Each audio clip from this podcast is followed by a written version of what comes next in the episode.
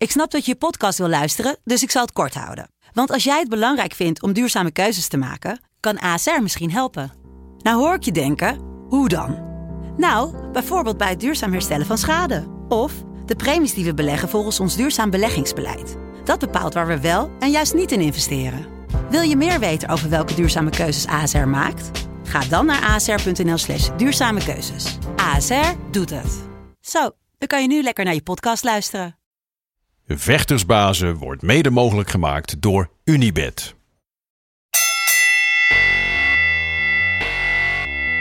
It's time for Vectorsbazen!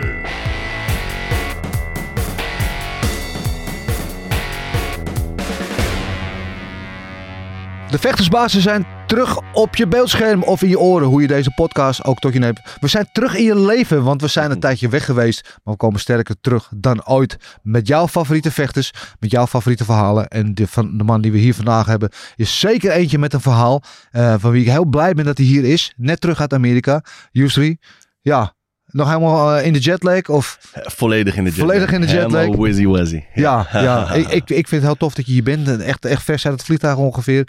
Eh, veel meegemaakt. Je, je avontuur bij de Contender Series. Ja. Wat onvertuinlijk is afgelopen. Het verhaal wat daar nog vast zit, wil ik het over hebben met je. Natuurlijk alles wat er gebeurd is in je periode in Amerika. Wat je daar hebt getraind met Glover en Alex. En Mhm. alles wat je daar eh, op, op je pad is gekomen. En zo zijn er nog wel een paar dingen die we gaan bespreken. Maar ja, laten we gelijk het ijzer smeden. Nou, het heet is. Eh, Mhm. De Contender Series. We spraken elkaar een paar dagen geleden. Een dag na je wedstrijd eigenlijk. Ja. Met het hele rare, opmerkelijke, best wel angstaanjagende verhaal van wat er met jou aan de hand is geweest in die weken toelopend naar die Contender Series partij. Zou je het nog een keer willen vertellen? Ja, ja, het was eh, ja, heftig. Ja, Ik, eh, ik had een supergoed kamp gehad. Ik, kwam, ik was natuurlijk naar Amerika gegaan om Alex te helpen voorbereiden voor zijn fight tegen Blahovic, Salt Lake City. Dus eh, ik was al een maand in eh, Danbury, Connecticut. Supergoed kamp gehad. Eh, Glover is natuurlijk hoofdtrainer en die, ja, die zorgt natuurlijk dat we takedown defense en al die dingen heel hard aan het trainen waren. Dat klein beetje gericht op Blahovic camp natuurlijk. Maar dat was ook goed voor mij natuurlijk, want anti-wrestling en wrestling is altijd goed om aan te werken. En toen eigenlijk vlak voor zijn partij kregen we het belletje van... Hey Joes, je mag die contender vechten. Want er is een partij vrijgekomen. Wil je die pakken? Ja, tuurlijk man. Ik zit gewoon in die kamp. Eh, dat betekent dat ik even moet omboeken. Eh, de familie gaat dan naar huis. Want die waren mee. Dus dat Ja. was ook geweldig. ja. Maar ik ga naar huis en dan blijf ik nog een maandje met Glover. Ja. En eh, voorbereiden voor die partij voor Vegas. Dus dan heb ik een volle kamp, twee maanden ja. let's do it.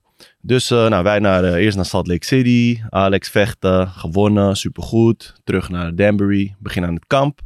Ehm, toen moest ik mijn visa even veranderen, want het was een Mhm. werkvisa opeens Mhm. geworden, want ik moest gaan vechten.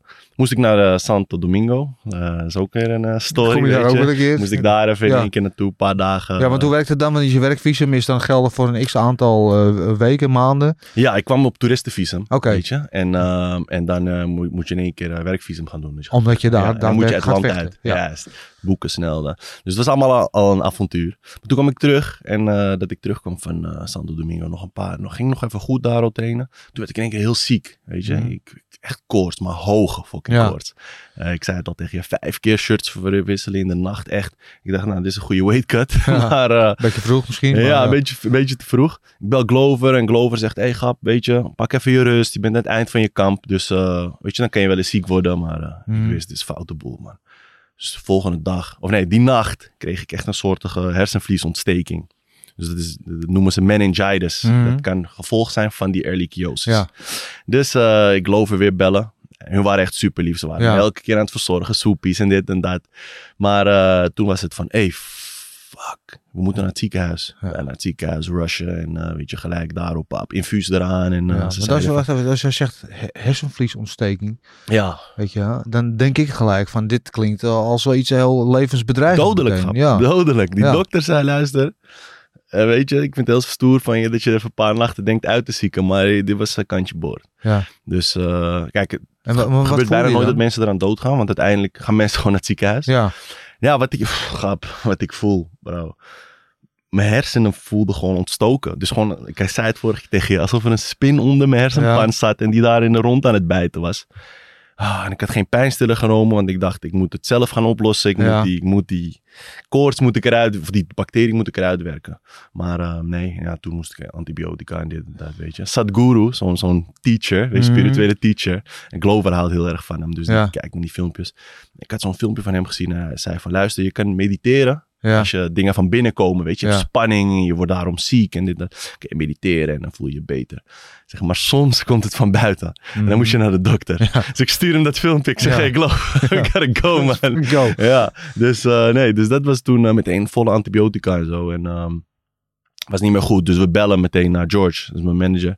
En zeggen, hey, luister, eh, je moet die partij gaan eh, verplaatsen. Die, die contender-serie duurt nog een paar maanden of weken. Ja, ja, ja. Want we hebben een andere gabber, eh, Rodolfo, ook een Braziliaan. Die was ook bij ons in het kamp. Die gaat ook vechten in oktober op die contender-series. Ik dacht, kan ik daar Ja, aan sluiten? ja. Maar eh Dana zegt, of, Hunter eigenlijk in dit geval, zei van... nee, ehm, het is vol. En weet je, het is ook productie. En het is allemaal gewoon gepland. We kunnen je niet even zo doorschuiven. Dus hij zei, of we cancelen hem. Weet je, en we houden die in de, in de roulatie, we houden die in de gaten, maar we cancelen hem. Of je gaat gewoon vechten. Ja. Dus eh, eh, nou, toen zeiden we, oké, is goed, een paar dagen antibiotica. Ik voel me ietsje beter. Ik kan, Mhm. weet je, laten we gewoon even gaan testen in de gym. En ehm, nou, de wedstrijd was al zo dichtbij. Ja. Maar dan wil je hart natuurlijk het liefst gewoon vechten. Want die Ja. kans, het is echt een trein die komt één keer voorbij. Misschien, je Ja, weet het niet. Maar inderdaad. misschien is dit je enige kans die je krijgt. Dus dan wil je vechten. Eh, tegelijkertijd voel je wat je voelt, hoe je lichaam voelt. Wat, wat, wat, wat zei jouw hoofd? Wat, of wat, wat zei jouw ratio tegen jou op dat moment? Ja, mijn hoofd zei gewoon van, luister, dit moet je niet doen. Waarom? Ik heb het een keer eerder gedaan tijdens, tijdens een, eh, een gevecht. Ik heb dat nooit naar buiten gebracht, omdat ik... Het komt altijd over als een beetje als een smoes of zo. Maar Mhm. ik, ik vocht toen tegen Wisse voor mijn Mhm. laatste eh, eh, titelpartij bij Ja. Glory. En toen was ik een week daarvoor ook echt super ziek. En eh, toen was ik eh, ja, twaalf dagen lang ziek geweest, weet je. Dus, en toen was ik ook al beter. En had ik gewoon de hele fight week dat ik beter was. Dus dan denk je, ga je, ging ik ook denken van... hé, maar ik heb een goede kamp gehad. En ik, heb, ben nu ziek geweest, maar ik ben nu beter. Dus ik ga gewoon vechten. Eh, en dan ga je op de pads toch drie rondjes doen op de pads. Voel je goed. Ja, tuurlijk. Maar de pads is nooit als een wedstrijd. Als, iemand je echt, als je Ja. echt gaat vechten, dan pas ga je voelen waarom je zo hard moet trainen. Mhm. Toch? Dus eh, toen had ik mezelf ook niet kunnen testen. En dan uiteindelijk in de wedstrijd kwam, ik, kwam, kwam de rekening. En die verloor ik dus. Ja. En toen heb ik ook gewoon... eh, ik, heb, ik heb nooit naar buiten gebracht, weet je. Maar ik dacht toen gewoon van, dit doe ik nooit meer. Dit had ik eigenlijk niet Had moeten ik doen niet moeten doen. moment. Ja. Maar ehm, aan de an- nu denk ik er weer anders over. Ja. Ik heb het gedaan en ik heb verloren. Nee, ik heb verloren sowieso. Mhm. Weet je, dat is gewoon wat het is. Maar ik was niet mezelf. Ik was niet 100%. Oké, Mhm. dus ik heb verloren niet als 100%. En ehm, ik ben wel een soort van tevreden dat ik het toch heb gedaan, man. Ja. Ik, ik, heb, ik heb een soort van idee gekweekt in mijn leven en in Ja. mijn lichaam van elke kans Ja, die er is, pakken. waar je beter van kan worden, moet je pakken. En heb ik niet over de check of over de mogelijkheid van, eh, van de UFC en alles, wat er zeker ook bij speelt. Maar ook gewoon als je dat allemaal eraf pelt en je gaat kijken van wat heb ik er nu aan overgehouden dan? Nou, ik, Ja. eh, ik heb geen contract aan overgehouden, Nee, maar ik heb een fucking vette ervaring gehad daar. ja. Ik heb de kans geprobeerd te pakken. Ik heb gestreden. Ik heb... Als je dat allemaal afpelt... Nou ja, en je ik- hebt laten zien, en vechten is natuurlijk meer dan alleen klappen uitdelen. Die kasseren. Vechten is ook jezelf over tegenslagen heen zetten. En dat is natuurlijk wel wat je eigenlijk gedaan hebt nu. Ja, ja. In het leven is vechten natuurlijk gewoon, weet je. Kijk, ik, ik vergelijk het altijd een beetje met de gladiatorentijd Mhm. of whatever, weet je. Je, Als je kijkt naar die gladiatoren, die moesten gewoon de fucking Colosseum in. Ook hadden ze een blessure of een fucking, weet je. eh, je gaat gewoon vechten en dan was het leven of dood. Mhm. En hier is natuurlijk geen leven of dood. Eh, het, is, het, is, het is een harde partij, maar volgende dag eh, kom je gewoon weer bij je gezin en zo. Ja. En heb je gewoon die kans geprobeerd te pakken. En ik denk dat dat, dat is het mooie van, van het leven. Is dat er kansen komen, dat je ze probeert te pakken. Of het nou werkt of niet. Mhm. En dan komen er weer nieuwe kansen toedienen. Snap je? Het is nog niet klaar. En eh, weet je, voor, voor sommige mensen is het, je bent zo goed als je laatste partij. Ja. Dus die use zetten we even in de koelkast. Weet je, laten we even kijken naar een paar andere talenten. Maar dat is niet erg. Mijn leven gaat door. En ik weet dat er nieuwe mogelijkheden gaan komen. En ik blijf keihard trainen. En straks sta ik er weer. En dan ga, ga, gaan jullie weer verrast zijn van... Hé, hey, die Use flikt het toch weer. Hij krijgt weer een kans hier of daar. Hoe komt dat nou? Omdat ik er sta. Ja. Wat veel mensen misschien niet altijd begrijpen met vechten. hè. Als je door, door een zwaar kamp heen gaat. Op een gegeven moment je Mhm. weerstand gaat naar beneden. Je bent vermoeid. Je, Mhm. je pusht jezelf elke dag. naar de limit of eroverheen. Dus aan het einde van het kamp vaak is de tank leeg en ben je vatbaar voor Ja. virusjes, verkoudheid, blessuretjes, dat soort dingen. Toch? Jawel, ja, ja, zeker. Sowieso. En dan heb je dat met wissen meegemaakt.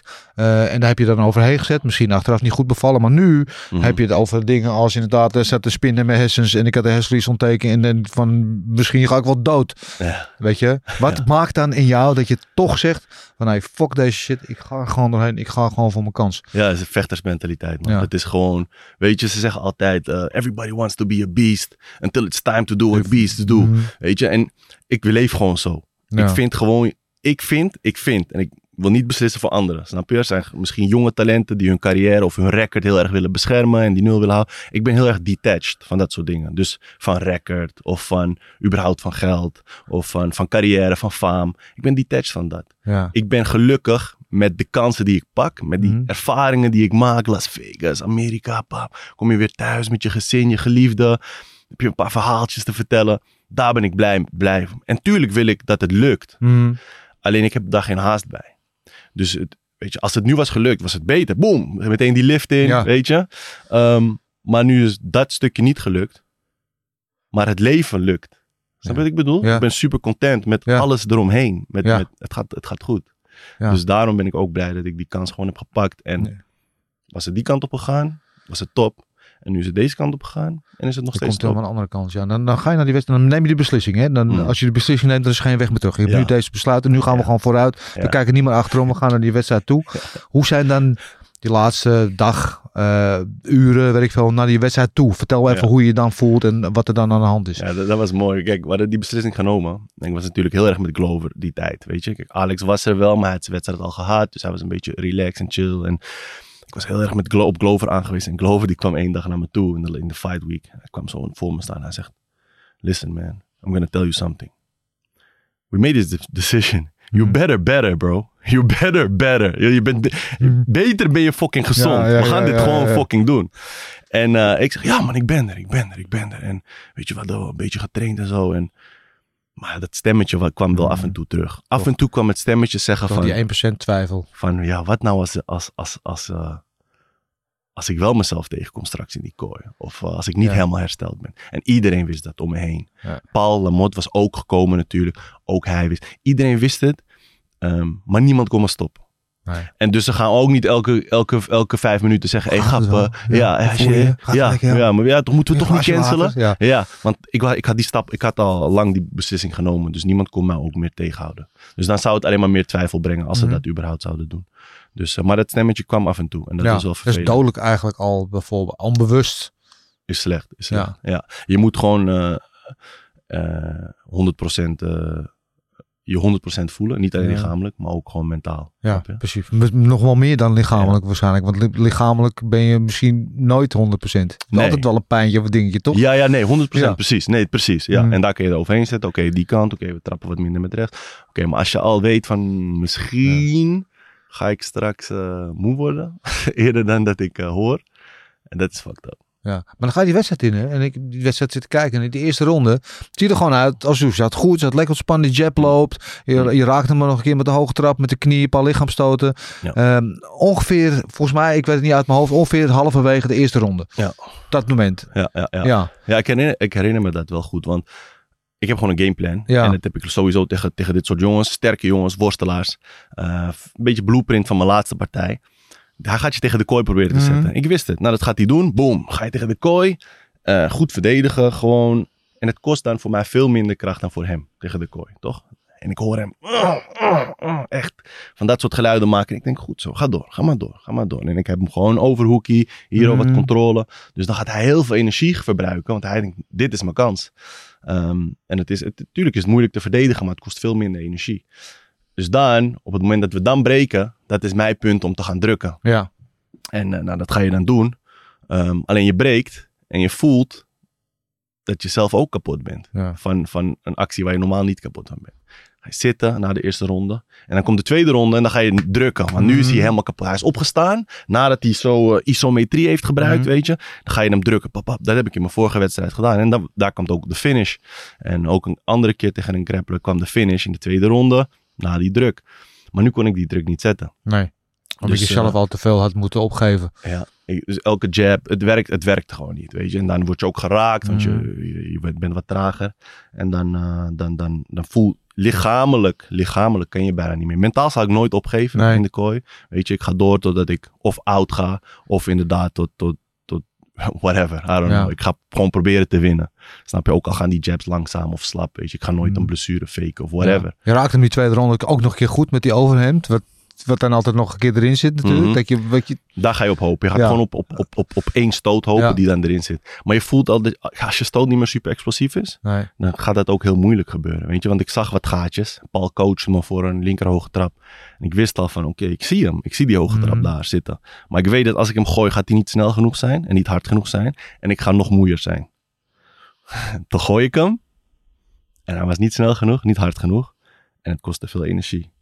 Dus dan ga je langzaam maar zeker ga je dan, ga je dan Ja. af. Dan gaat het kaasje langzaam, eh, langzaam uit. Ja. En dan uiteindelijk... Want laten we niks ook tekort doen aan Marcus Tulio. Gewoon een go- goede Ja, vechter. ja 100 procent. 100%. En hij volgt gewoon een goede wedstrijd. En hij deed uiteindelijk zijn gameplan goed. Maar tegen een gemankeerde, of in ieder geval niet 100% eh, jou. Wat is dan het gevoel wat overheerst? Natuurlijk teleurstelling dat je Mhm. niet wint en dat je dat contract niet hebt. Mhm. Ja? Of, Ja. of misschien toch ook, in wat je net al zei, de trots dat je er toch gestaan hebt. Dat zat er wel, man. Op dat moment nog niet. Eerst was het gewoon, ik was gewoon helemaal fuck. Ja. Wat heb ik nou weer gedaan? En eh, weet je, Storm en eh, kans verprutst en Dana. En, eh, maar al, gauw, al gauw was het deze keer dat het toch wel een soort van plaats maakte voor trots. Mhm. Ook omdat ik veel feedback kreeg van, van de jongens daar en de mannen daar. Van, hé luister dan, we weten, we, we, we kennen je situatie. Gruwelijk dat je bent gaan staan, weet je. En, en je kans komt nog. Ja. Ja. ja. Dus je, je hebt dus zoiets van, oké, deze kant is niet gelukt. Maar terug naar de tekentafel. Ja. En dan gaan we weer inderdaad bijvoorbeeld in LFE vechten. Of in een, Ja. in een iets kleinere promotie. En proberen daar weer weg En naar boven te eh, vechten. weer- ja, precies. Man. Ja. Ja. Ja. weet je, dat, dat, dat, is, dat, is, dat is Gods plan, zeg maar. De-. Het moest zo zijn. Weet je, Glover zegt ook vaak van, luister, it- it's gonna be how it's gonna be. Mhm. Snap je? Of, eh, of, of it's written. Snap je? Zo, ik geef me veel vertrouwen om daar ook echt in te geloven van, oké, misschien had ik het nodig om bepaalde dingen op te lossen buiten mijn carrière of dit of dat. Of misschien wel mijn skillset. Misschien, moest Mhm. ik die nog, misschien moet die nog wel in hoog voordat ik daar de UFC binnen, Ja. binnenkom stormen. Nou, weet je, ik, ik zie dat zo. Het is niet het einde. Want er zijn natuurlijk Ja. zat voorbeelden van mensen die via de contender series of via de, de, de Ultimate Fighter Mhm. geprobeerd hebben het contract te verdienen dat het niet gelukt is. Die via een omweg toch gekomen Ja. zijn. Maar ik, ik neem altijd Chris Curtis, die natuurlijk in jouw divisie ook vecht. Mhm. Die op de contender series met de spinning heel kick, knock, eh, kick knockout iemand neertrapte. Mhm. Geen contract kreeg, weet je. Natuurlijk heartbroken was, overwogen om te stoppen. Is volgens mij ook vier keer gestopt. En, en, en drie jaar later zit hij toch in de UFC. en ja. nou is hij gewoon top 15, eh, top 10, weet ik veel, contender, weet je wel. En dus ja, dit, het, is, het is uitstel is niet altijd afstel wat dat betreft. Dus. Maar wat ik wel interessant vind, en daar wil ik het even met jou over hebben. Mhm. eh, wat ik zag in die paar vlagen die ik goed voor jou zag in de Mhm. eerste ronde, toen je nog gewoon erbij was. eh, jouw evolutie als MMA-vechter. Oké. Weet je, hoe je staat in de kooi en ehm, hoe je dat, die takedown defense op orde hebt. Hoe zie jij zelf jouw evolutie? Ja, ja ik, ik- heel erg belangrijk natuurlijk is de ground game en het worstel, worstelen. En eh, daar, daar zet ik ook heel veel intentie in. En daar probeer ik ook heel erg in te groeien. Dus eh, ik vind het mooi dat je het zegt. Ik zie het als een mooi compliment. En ik wil dat ook, ik wil dat ook, dat dat veel beter wordt. Dus daar werk ik hard aan. En ik geloof dat hard werken altijd eh, betaalt. En, eh, en ik zie mezelf, ik voel mezelf groeien. Ik word er steeds meer eh, zelfverzekerd in. En ehm, ja, ik voel me steeds meer thuis in de kooi Mhm. op dat gebied ook. Van ja, kom maar met een takedown, Ja. kom maar met een shoot. En weet je, ik heb mijn gameplan en uiteindelijk blijft mijn basis staan. En daar moet ik het ook, weet je, gaan oplossen. Maar, eh, maar ik vind het niet erg om in een clinch te komen of in een eh, ja, Nee. grappling. Of in Nee. een grapple. Ja. Want als jij jezelf nou ziet, hè, je bent begonnen ergens hier in het traject. En hier is zeg maar het eindpunt. Als je dan een, een volwaarde of 100% op alle vlakken Aha. MMA-vechter bent. En met grappelen en, en, en worstelen en noem maar op. Ja. Waar, waar zit je dan ergens in het traject? Oh, dat is een goede vraag. Ik denk dat je nooit bent uitgeleerd. Nee. Toch? Dat hoor je ook de beste van de wereld zeggen. Die zeggen ook gewoon van luister, dan, ik moet altijd groeien. Dus ik denk dat dat ook het mooie is van deze sport. Ja. Weet je, eh, je, je ziet ook dat jongens die onverslaanbaar lijken af en toe toch in één keer, eh, weet je, keihard verliezen of zo. Mhm. Weet je, je zie je bijvoorbeeld in zo'n Oesman story, weet je, met, met, met Leon Edwards, dat hij nu in één keer hem twee keer verslaat. Ja. Weet je. Waarom? Omdat hij gewoon keihard heeft blijven grinden en erin geloven. En ehm, bij mij hetzelfde, ja, ik voel dat mijn striking is, eh, is, is, is goed. Kan nog steeds natuurlijk veel beter, maar dat is best wel eh, in, in de top van, van de wereld. Van de wereldniveau, weet je. Dat, dat kan ik zeggen omdat ik mezelf meet met Alex en, en dat soort jongens. Constant in de gym natuurlijk. Ehm eh, maar- maar maar grappelen is, eh, is, is, is voor pure grappelen ben Mhm. ik een blue belt. Mhm. Eh, ik doe natuurlijk heel veel no-gi. Ehm, maar voor MMA is mijn grappelen toch best wel goed aan het worden. ja, Dat ik gewoon merk dat, dat jongens als Glover het moeilijk vinden om mij neer te krijgen. ja.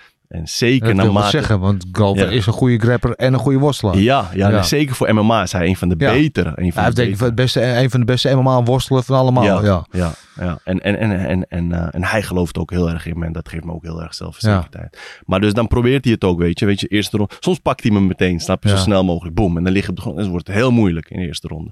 Maar soms als het hem niet lu- lukt in de eerste ronde van een sparring. Dan merk ik dus dat ik die tweede ronde, die derde ronde echt aan het overklassen ben. Ja. En dat is natuurlijk hoe ik ook mijn wedstrijden wil indelen. Ja. Ja, focussen jullie daar veel op inderdaad eh, eh, in Connecticut? Ja, Ja? ja, ja, ja. Kijk, hij heeft natuurlijk twee jongens met dezelfde achtergrond, kickbox achtergrond, nu, waar hij best wel op focust. En eh, ik denk dat hij echt hele goede manieren heeft van, eh, van, van anti, anti-worstelen, van opstaan als je wel op de grond bent gekomen. Hij komt natuurlijk uit de school met Chuck Liddell. Chuck Liddell is daar een master in. Ja. Ik was nooit zo van die vintage fights kijken en zo, heel eerlijk gezegd. Maar als je kijkt naar Chuck Liddell en hoe hij zijn striking en zijn anti-worstelen gebruikt, Ja. om mensen gewoon knock-out te slaan. Is legendary. Ja. Iceman. Ja. Ja. Ja. Ja. Ik vond het heel mooi in de laatste partij van, eh, van eh, Alex Pereira tegen Mhm. eh, Blachowicz. Mhm. Waar hij best wel wat kritiek kreeg achteraf van mensen. Dat het een saaie wedstrijd was. Dat hij misschien niet helemaal klaar was voor, voor, voor die light heavyweight. Zo. Ik zag eerlijk gezegd wat anders daar. Ik zag iemand die heel erg aan het evolueren was. Ja. In zijn eh, proces als mixed martial artist. Ah, hij liet ja. daar dingen zien in gevechten die hij eerder niet liet zien. Op het gebied van takedown defense. Op het gebied van rustig blijven. Toen hij in penibele situatie op de grond. Wat hij in, volgens mij in de eerste of tweede ronde kwam met die naked Ja, de hele eerste ronde. Ja, ja, dat- ja, ja, Weet je, en, ehm, en als je vergelijkt toen Adesanya tegen Blachowicz ging vechten, was net een lappe pop. Ja. Had helemaal niks in te brengen. Ja. Weet je, en Alex was wel op zijn momenten gevaarlijk. En, en dat was misschien een jaar geleden, of misschien nog wel korter, weet ik niet. Was dat niet het geval Ja, geweest. En heel snel. Ja, Dus hij- ik- ja. ja, ja, ja, nee, het is toch echt puur, dat is, dat is Glover met zijn, met zijn, met, eh, met zijn knowledge, weet je. En ook de rust die hij bewaarde in de eerste ronde, met, met eh, Jan op zijn rug, Mhm. constant. Dat was, dat was bedacht. Het was bedacht van laat hem moe worden. Laat hem worden. Weet je hoeveel Mhm. energie dat kost zo op, op die rug, zo hangen de hele tijd. Ja. Proberen te... Je zag hoe hij de tweede ronde uit de, Ja. de hoek kwam. En, Ja, en dat- afgepeigerd, ja. Afgepeigerd. En dan was het gewoon van, oké, nu is het mijn beurt. ja. En ik denk dat dat wel de kracht is voor strijkers. Als ze een goede conditie hebben. En een goede eh takedown defense. En een goede gronddefense. En choke defense. Dan, ehm, dan, dan is de tweede ronde een hele gevaarlijke ronde. Voor, ver- ja, voor tegenstanders. Ja. Merk jij dat ook? Want jij treedt veel met hem samen. Je hebt nu dat kamp Blachowicz. Je hebt die allebei de kampen eh Adesanya heb je Ja. met hem meegemaakt. Mhm. Eh, zie jij dat ook? Die evolutie bij hem? Zie jij die progressie bij Pereira? Ja. En, en, en leef je daar ook zelf op mee? Ja, ik zie die progressie heel erg. Omdat zijn inzet natuurlijk heel hoog is. Dus hij traint heel hard. Ja. Eh, ook door hele heftige blessures heen. En is nooit van het afzeggen. En weet je, het is ook echt een strijderskamp daar. En ja, en ik leef daar wel zeker op mee. Omdat ik, ik kijk naar wat zijn de technieken die ze gebruiken. Mhm. Ze zijn eigenlijk heel specifiek. Weet je, je gaat niet honderdduizend technieken. Een beetje dat Bruce Lee verhaal, weet je. Ze gaan kijken van oké, hoe ga je opstaan uit de half guard? Neem twee manieren. Word daar heel goed in. En je staat gewoon op, snap je? Ja. En natuurlijk, oké, pap, iemand op je rug. Duizend keer gewoon die rear naked choke. Duizend keer die guillotine Ja. verdedigen. Ja, echt om in een flying armbar terecht te komen. Ja. Hoe groot is die kans? Ja? 1 op een miljoen, ja. Snap je? Maar om iemand op je rug te krijgen, ja, dat kan wel eens gebeuren als je overreacht of zo. Ja. En dan moet je gewoon heel goed gaan verdedigen. Ja. Dan kan hij moe worden. En dan kan jij opstaan en doen wat je het beste doet. ja. Hoe, in hoeverre trekken jullie aan elkaar op? Veel, veel. Vooral in het sparren. Omdat wij natuurlijk gewoon op staande gebieden heel erg aan elkaar gewaagd zijn. En hij heeft heel weinig jongens die ehm, met hem te durven te sparren. Ja. Maar, ja. Snap ik wel eigenlijk. Ja. Hij is ook best wel sadistisch natuurlijk. Hij houdt ervan om... Ik zie af en toe wel een filmpje langs komen dat hij er eentje even neerslaat en shit. Maar eh, ja, wij zijn, eh, wij zijn wel goed aan elkaar gewaagd. En dus maken we elkaar beter. Ja, ik moet altijd denken, toen hij nog bij Glory vocht, ging hij op een gegeven moment, had hij een seminar bij, eh, eh, in Nieuw-Vennep, bij, hoe heet hij ook alweer, onze vriend, nou, komt zo wel op. Dat hij een seminar bij, bij Kickbox School, en dat was geloof ik echt de dag voor zijn wedstrijd. Oké. Is echt een vrijdagavond. Met die seminar. En toen had hij na die seminar had hij wel even zin om nog een paar rondjes te sparren. Die is in de ring gaan staan. En toen heeft hij letterlijk gewoon iedereen in die sportschool. Ja, Gewoon één voor één afgewerkt. En eruit geslagen. En ik, maar gewoon, weet je, maar er kan altijd een koekenbakker tussen die je gewoon een rare logic geeft. Of per ongeluk, weet je, een ei geeft dat je Ja. gepasseerd raakt. Ja. Ja, rare, rare, aparte gozer is het wat dat betreft. Ja. Ja. Maar wat, wat zijn de dingen dan? Wel, ik, ik zie dat helemaal, want jullie zijn op op het gebied van striking zijn eh, evenredig, eh, kwalitatief. Wat zijn de dingen dan waar jullie elkaar in helpen en waar jij van hem leert en andersom? Eigenlijk alles. Weet je, af en toe eh, merk ik dat ik hem bijvoorbeeld te vaak raak met een low kick. Dan zeg ik, hey, als dit in de wedstrijd gebeurt, is gewoon een probleem. Weet je, kijk, ik heb nu scheenbeschermers staan. Straks Adesanya met die, met die dunne schenen, als hij je vier keer daar, ja. dat is het probleem. Oké, oké. En dan begint hij te blokken, snap je? Of, eh, of andersom, eh, bijvoorbeeld, af en toe geeft hij een, een, fake takedown. Met een uppercut raakt hij me goed. Zegt hij, hey, je weet zelf, als je, als je hand daar... Dus zo, Ja. weet je, proberen we gewoon, eh, gewoon tijdens het sparren ook gewoon af en toe geven we elkaar een klein dingetje. Of na sparren. Ja. Ja. Ja. Ja, ja, ja, ja. Heel mooi om te zien. Hoe is het met zijn eten tegenwoordig? Eh, Eet hij een beetje normaal tegenwoordig? Of? eh, hamburgers, man. Ja? nee, die gasten daar ons eten echt ongelooflijk veel vlees. Vlees, ja. Echt veel vlees. Barbecue, hè? Barbecue. Barbecue. Ja. Oh, lekker ja, man. echt Oh. ongelooflijk. zalig. Vol met zout. Echt top.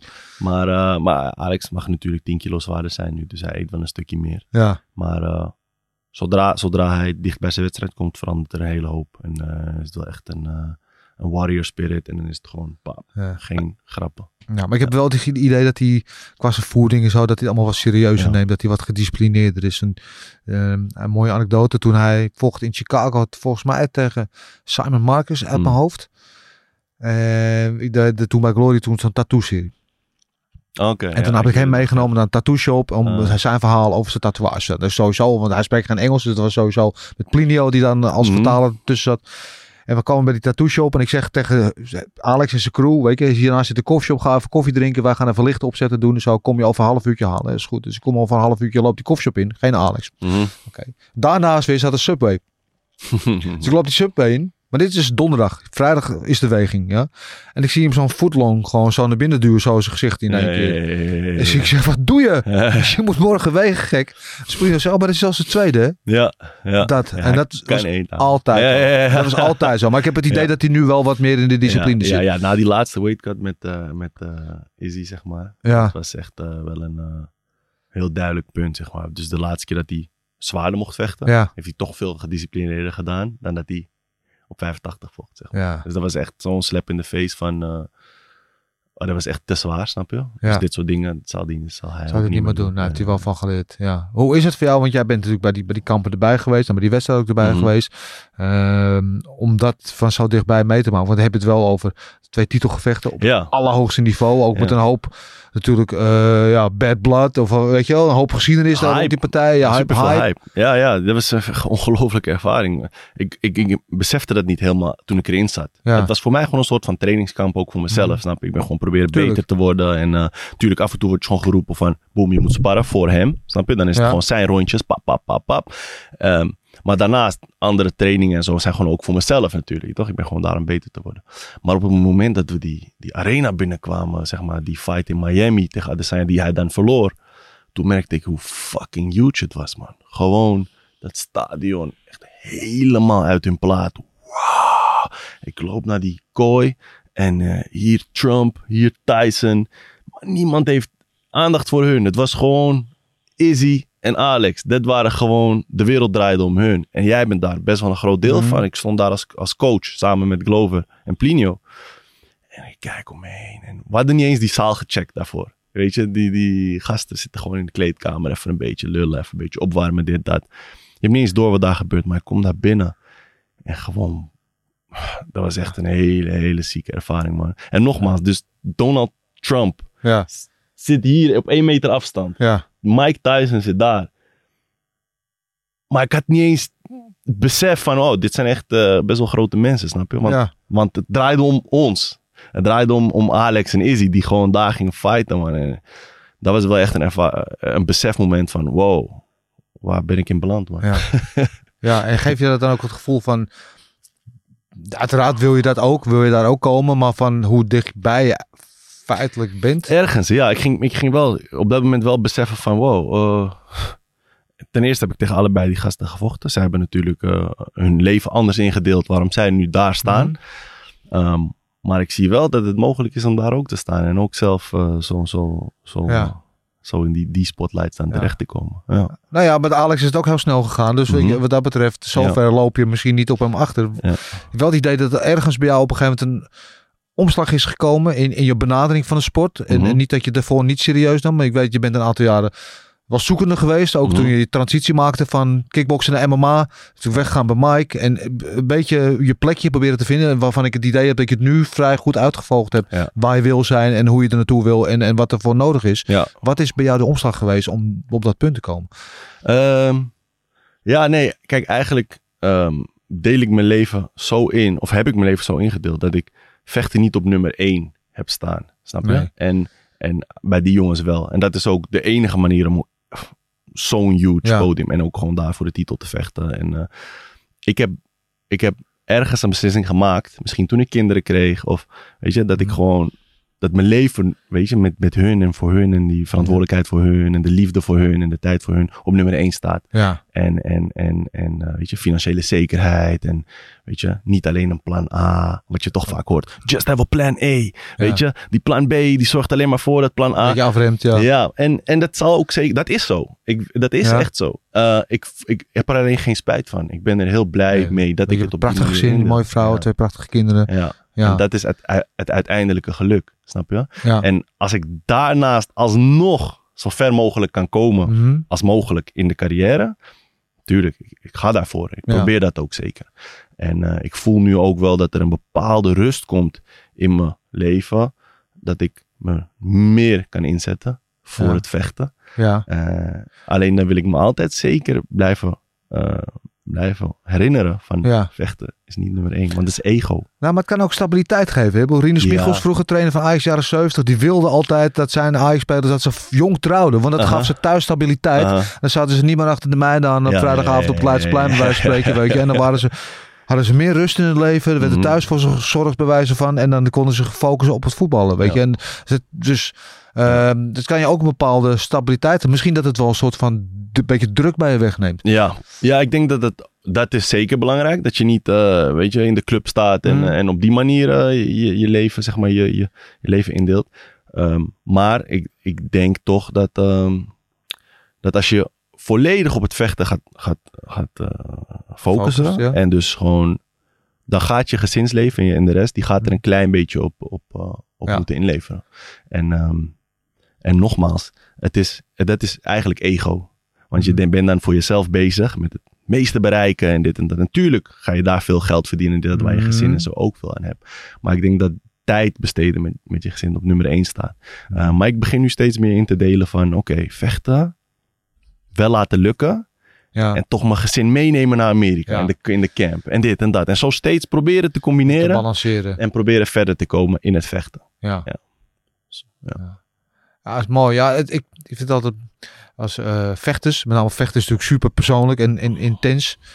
eh, kinderen krijgen van vaak twee kanten. Of het geeft ze extra motivatie, Mhm. juist om voor hun kinderen en voor hun gezin dat te doen. Aha, aha. Of het maakt ze zachter. Ja, ja, ja, ja, ja, ja. Of het maakt ze, weet je wel, eh, ze verliezen een beetje focus omdat ze inderdaad meer de kant wil zien. Probeer je daar, daar die balans in te vinden? Ehm, ja. ja, kijk, het geeft me sowieso veel motivatie. Je hoort wel eens vaak, en dat heb ik ook wel eens, dat ik tijdens een training een hele diep moment, dat ik even mijn kleine voor me zie en dan kan ik weer even wat door. Dus dat, dat zijn wel die goede dingen. Ehm, ja. Ja. Maar, maar dus wat ik zeg, dus het risico van het vechten, dus en dan heb ik het niet over eh, lethal of blows of whatever, maar het risico eh, van financiële zekerheid Mhm. is gewoon groot. Weet je, er zijn gewoon weinig mensen die het echt financieel maken en financieel doorbreken op die manier.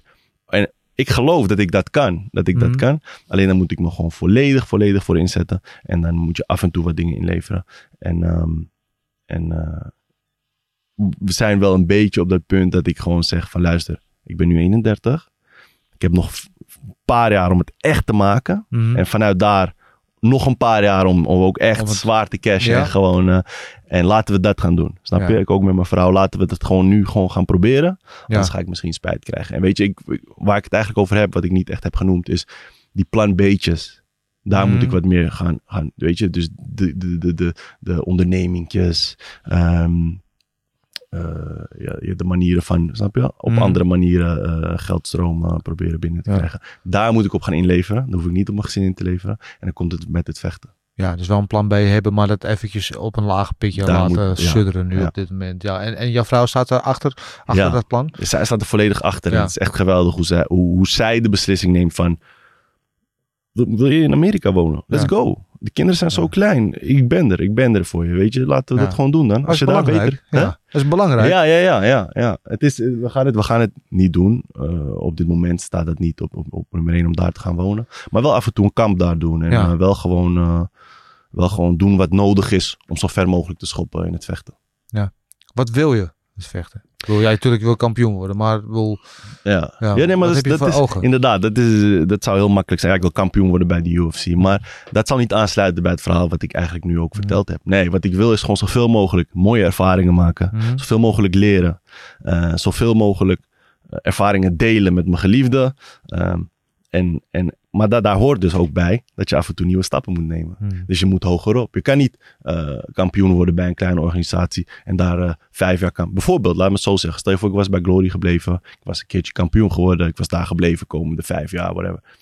Dat is niet hoe ik, dat, weet je, Mhm. dat trekt me niet. Nee. Dus ik moet door. En ik Ja. moet door. En daarvoor moet ik naar de UFC. Ja, Om die ervaringen te hebben, moet ik daar knallen. Moet ik kijken van, hey, ga je daar opeens mensen, weer nieuwe mensen ontmoeten, nieuwe plekken Mhm. zien, beter worden, skills developen, beter worden in het worstelen, beter worden in het vechten. Dus dan kom je ook vanzelf hoger en, en daar gewoon zoveel mogelijk uithalen. ja.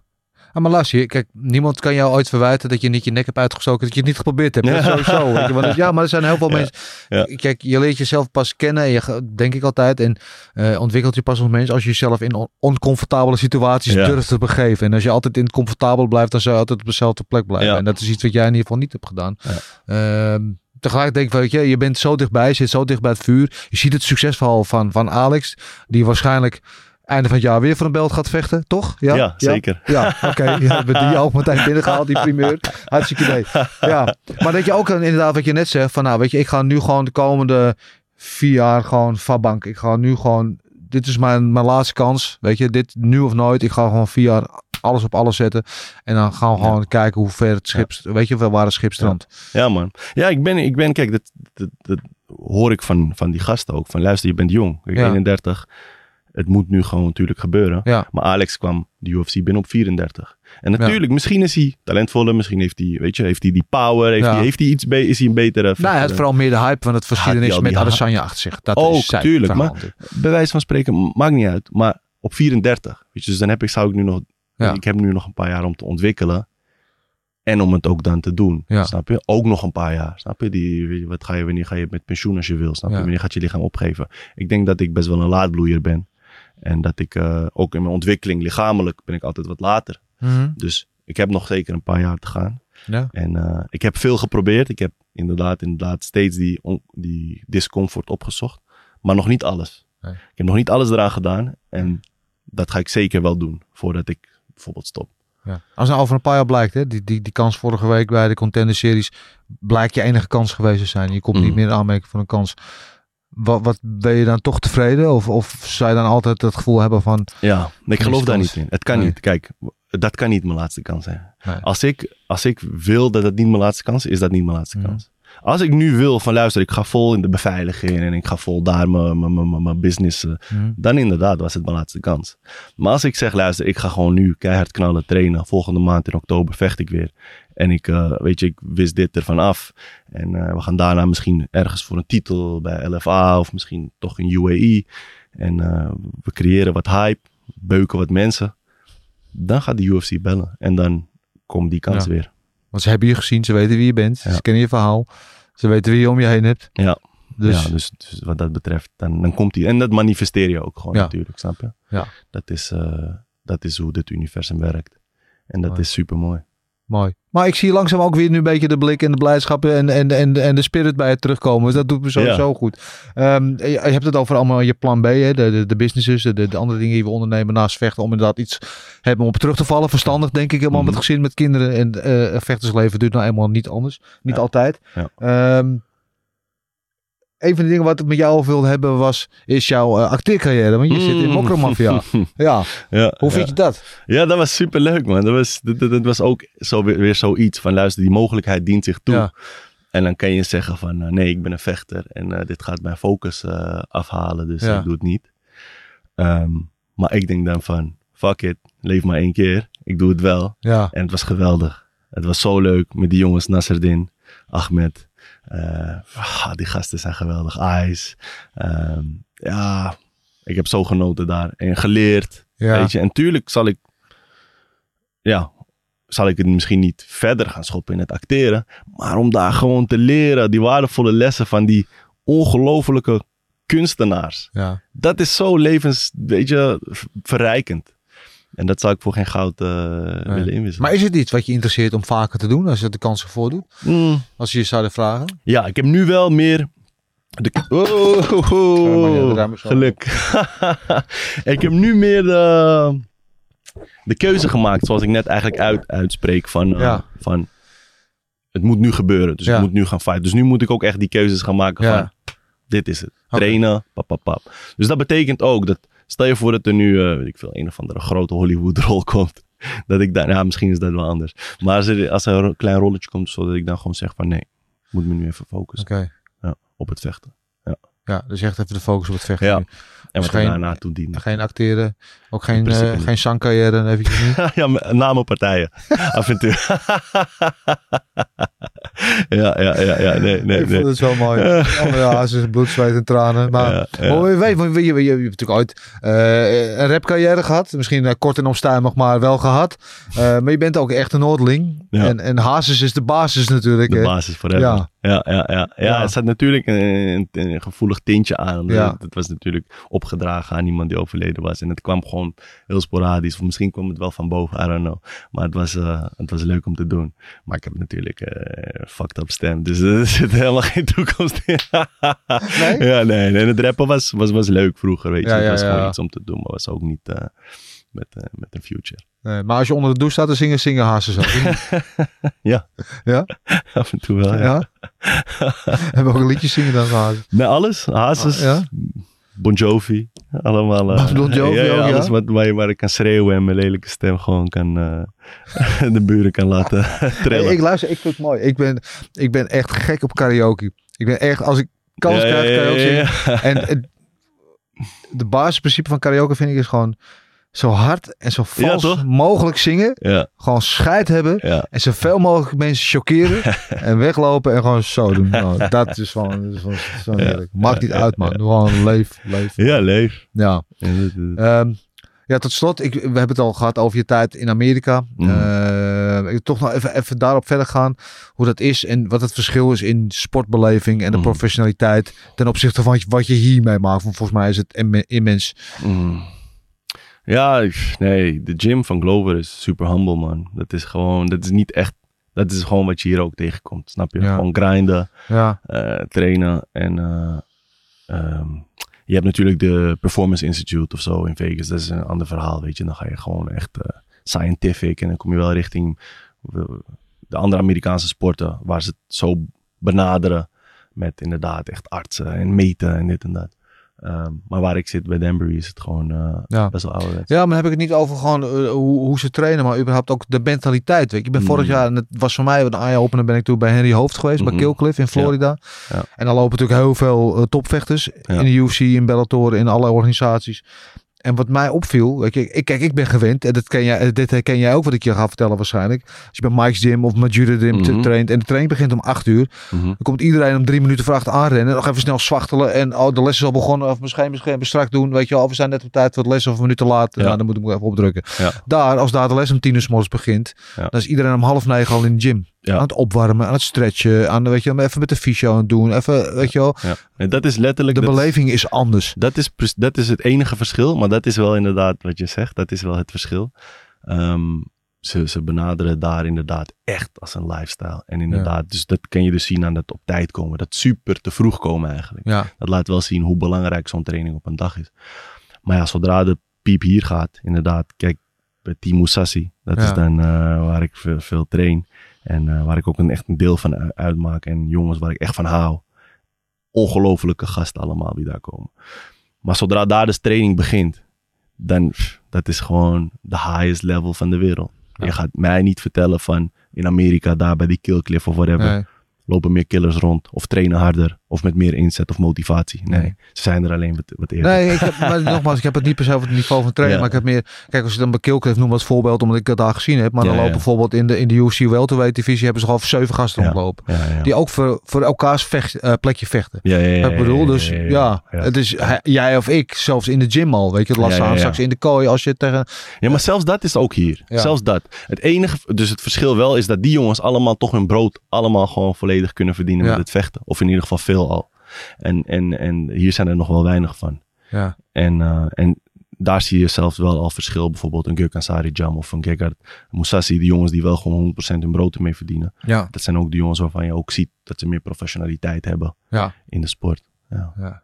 Dus die professionaliteit heeft ook te maken met in hoeverre De mindset. Nee, maar ook in hoeverre betaalt het volledig mijn leven, snap je? Terwijl als je gewoon echt nog eh, een ander baantje hebt tussendoor. Ja. Wat heel veel gasten moeten hebben natuurlijk. Waaronder ik. Ik moet ook gewoon nog buiten vechten. Zorgen dat geld via andere stromen binnenkomt. Mhm. Dus dan, dan af en toe moet je, moet je weet je, kom je... eh, zit je te meten van, hé, hey, ik wil net op tijd komen voor die training. Hoe ziet het leven nu verder eruit? Je bent net terug dus vanuit Amerika naar de contender series. Ja. Wat, wat is nu het plan? Ehm, ik, ik heb nu meteen een eh, doktercheck. Ik moet mijn bloed checken om Ja. te kijken hoe het zit met, eh, met, met de bacterie. Ja, Ehm, vervolgens, als ik niet aan de anti- antibiotica hoef, ja, stap ik de gym in morgen. En dan eh, gaan we testen, gaan we kijken hoe ik me voel. En dan wil ik in oktober vechten. oktober. Ja. Dat is best wel snel. Dat is mijn volgende maand. Ja. Ja. Ja. helemaal met, want dat je zegt, je weet niet helemaal, want je hebt de kuur Ja. wel niet helemaal afgemaakt. Nee, Nee, nee. dus het is wel een aanslag op je gestel. ja, dat is met die kut ant- antibiotica. Ja. Ik, ik wist, het is, het is, het is eh lood om oud ijzer noem ik het, weet je. Het is, die bacterie is fucked up, Ja, natuurlijk. ja, Dus ik moest even aan de antibiotica. Maar zodra ik me iets beter voelde, antibiotica is ook fucked up. Ja. En die moest ik dan nog, nog, weet ik veel, tien dagen. Mhm. tot één dag voor de partij. Nee. Weet je, Nee. Dus die ben, was ik gestopt. Maar ja, nu voel ik toch wel je hebt wel weer last pijntjes van. en dingen. Dus Ja, ik wil mijn bloed gaan onderzoeken en kijken wat ze zeggen. En als ik weer aan antibiotica moet, dan doe ik dat. En eh, eh, ja, want er is sprake van dat je Lyme, Ja. Lyme hebt. ja, Lyme Ja. en ehrlichiosis is wat ze... Ja. ja. En Lyme kan best wel een chronische aandoening blijken te zijn. Ja, Ja, ik neem dat wel serieus. Dus ik Ja, ga ja. straks Dat meteen... ik ja, ook- ga ik, zou ik zeker ik doen, ga nu naar de bloedonderzoek. Ga ik ik, was, ik, kon, ik kon van de week ook niet opkomen, kan er weer niet opkomen. Is een Mm. UFC-vechter eh, die nog steeds vecht, lightweight divisie. Die gewoon eh, twee, drie jaar van zijn carrière eigenlijk wel gevochten heeft, maar ja, niet hè? zichzelf is geweest. Omdat Chronische Lyme. chronische Lyme Ja, dat is fucked up, man. Ja, Ja, als dat me overkomt, dan kap ik, man. ja, ja. ja. Ik ga niet, ik ga niet zo met, met, met, die, met die Lyme shit, ga ik niet eh, blijven vechten. Oké. Maar ik ga er echt niet vanuit, man. Nee, ik ga er echt niet vanuit dat dat gebeurt. Dus eh, dat is, dat, weet je, de doktoren hebben ook niet gezegd, zeg gewoon verluister dan, pak die antibiotica en dan komt het in principe goed. Dus eh, daar ga ik vanuit, man. Dus ook niet meer zeggen gewoon. Oké, we gaan uit, weg Ja. met, we gaan uit eh, van het positieve scenario. Ja. En oktober wil je dan vechten en heb je dan iets op het oog Oktober waar? wil ik vechten. Ehm, ik heb natuurlijk goede banden met LFL hier in Nederland. Ik vind dat super geweldig. Ja, de jongens en. Donovan en zijn team. Ja, dus ik, ik, en die hebben een gala aankomen. Ja, Dus als ik daar kan vechten, doe ik dat. ja, Uh, UAE Warriors, dat is altijd een, eh, een mogelijkheid. En, ehm, en George, die houdt van eh, LFA. Ja. als een springplank. Dus het, het wordt eh, een beetje in, een van die richting. oké, een, van die, een van die drie in principe. Ja. Maar als het eind oktober is en ik ben nu gezond, of nog zes dagen kuur en gezond, Ja, dan heb ik nog eh, anderhalve maand, eh, acht weken, nee, zeven weken zo, zes weken voorbereiding. Dus dan moet het gewoon goed zijn. Dan is het goed. oké. Dus die partij moet gewoon komen eind oktober. Oké. Dan moet hij er gewoon gaan komen. Ja, Ik zou zeggen, succes bij de dokter zometeen. dankjewel. Eh geniet van je mooie gezin en eh, van je tijd er even terug. En eh, we blijven je volgen, vriend. Ik vond het heel tof dat je hier was. Love, ik was heel blij om er weer te zijn. Oes, ehm, jullie allemaal weer bedankt voor het kijken of voor het luisteren. Je weet waar we te vinden zijn op alle streamingplatforms. Hou onze socials in de gaten voor alles. Volgende week is er een nieuwe vechtersbasis. wil ik van nu alleen maar één, één ding zeggen. En dat is Oes! Oes! Lekker ouwe. Goud. mooi, mooi pik. Thanks man. Deze, waar moet ik hem doen? Die? Oké. Ah, oké. Oké, ja. Ja, dan wil ik tegen jullie nog één ding zeggen. Bedankt voor het kijken of voor het luisteren. Je weet, we zijn op alle streamingplatforms te vinden. Hou onze socials in de gaten. Volgende week is er weer een nieuwe vechtersbazen. En dan heb ik nog één laatste ding te zeggen. Dat is oes! Oes.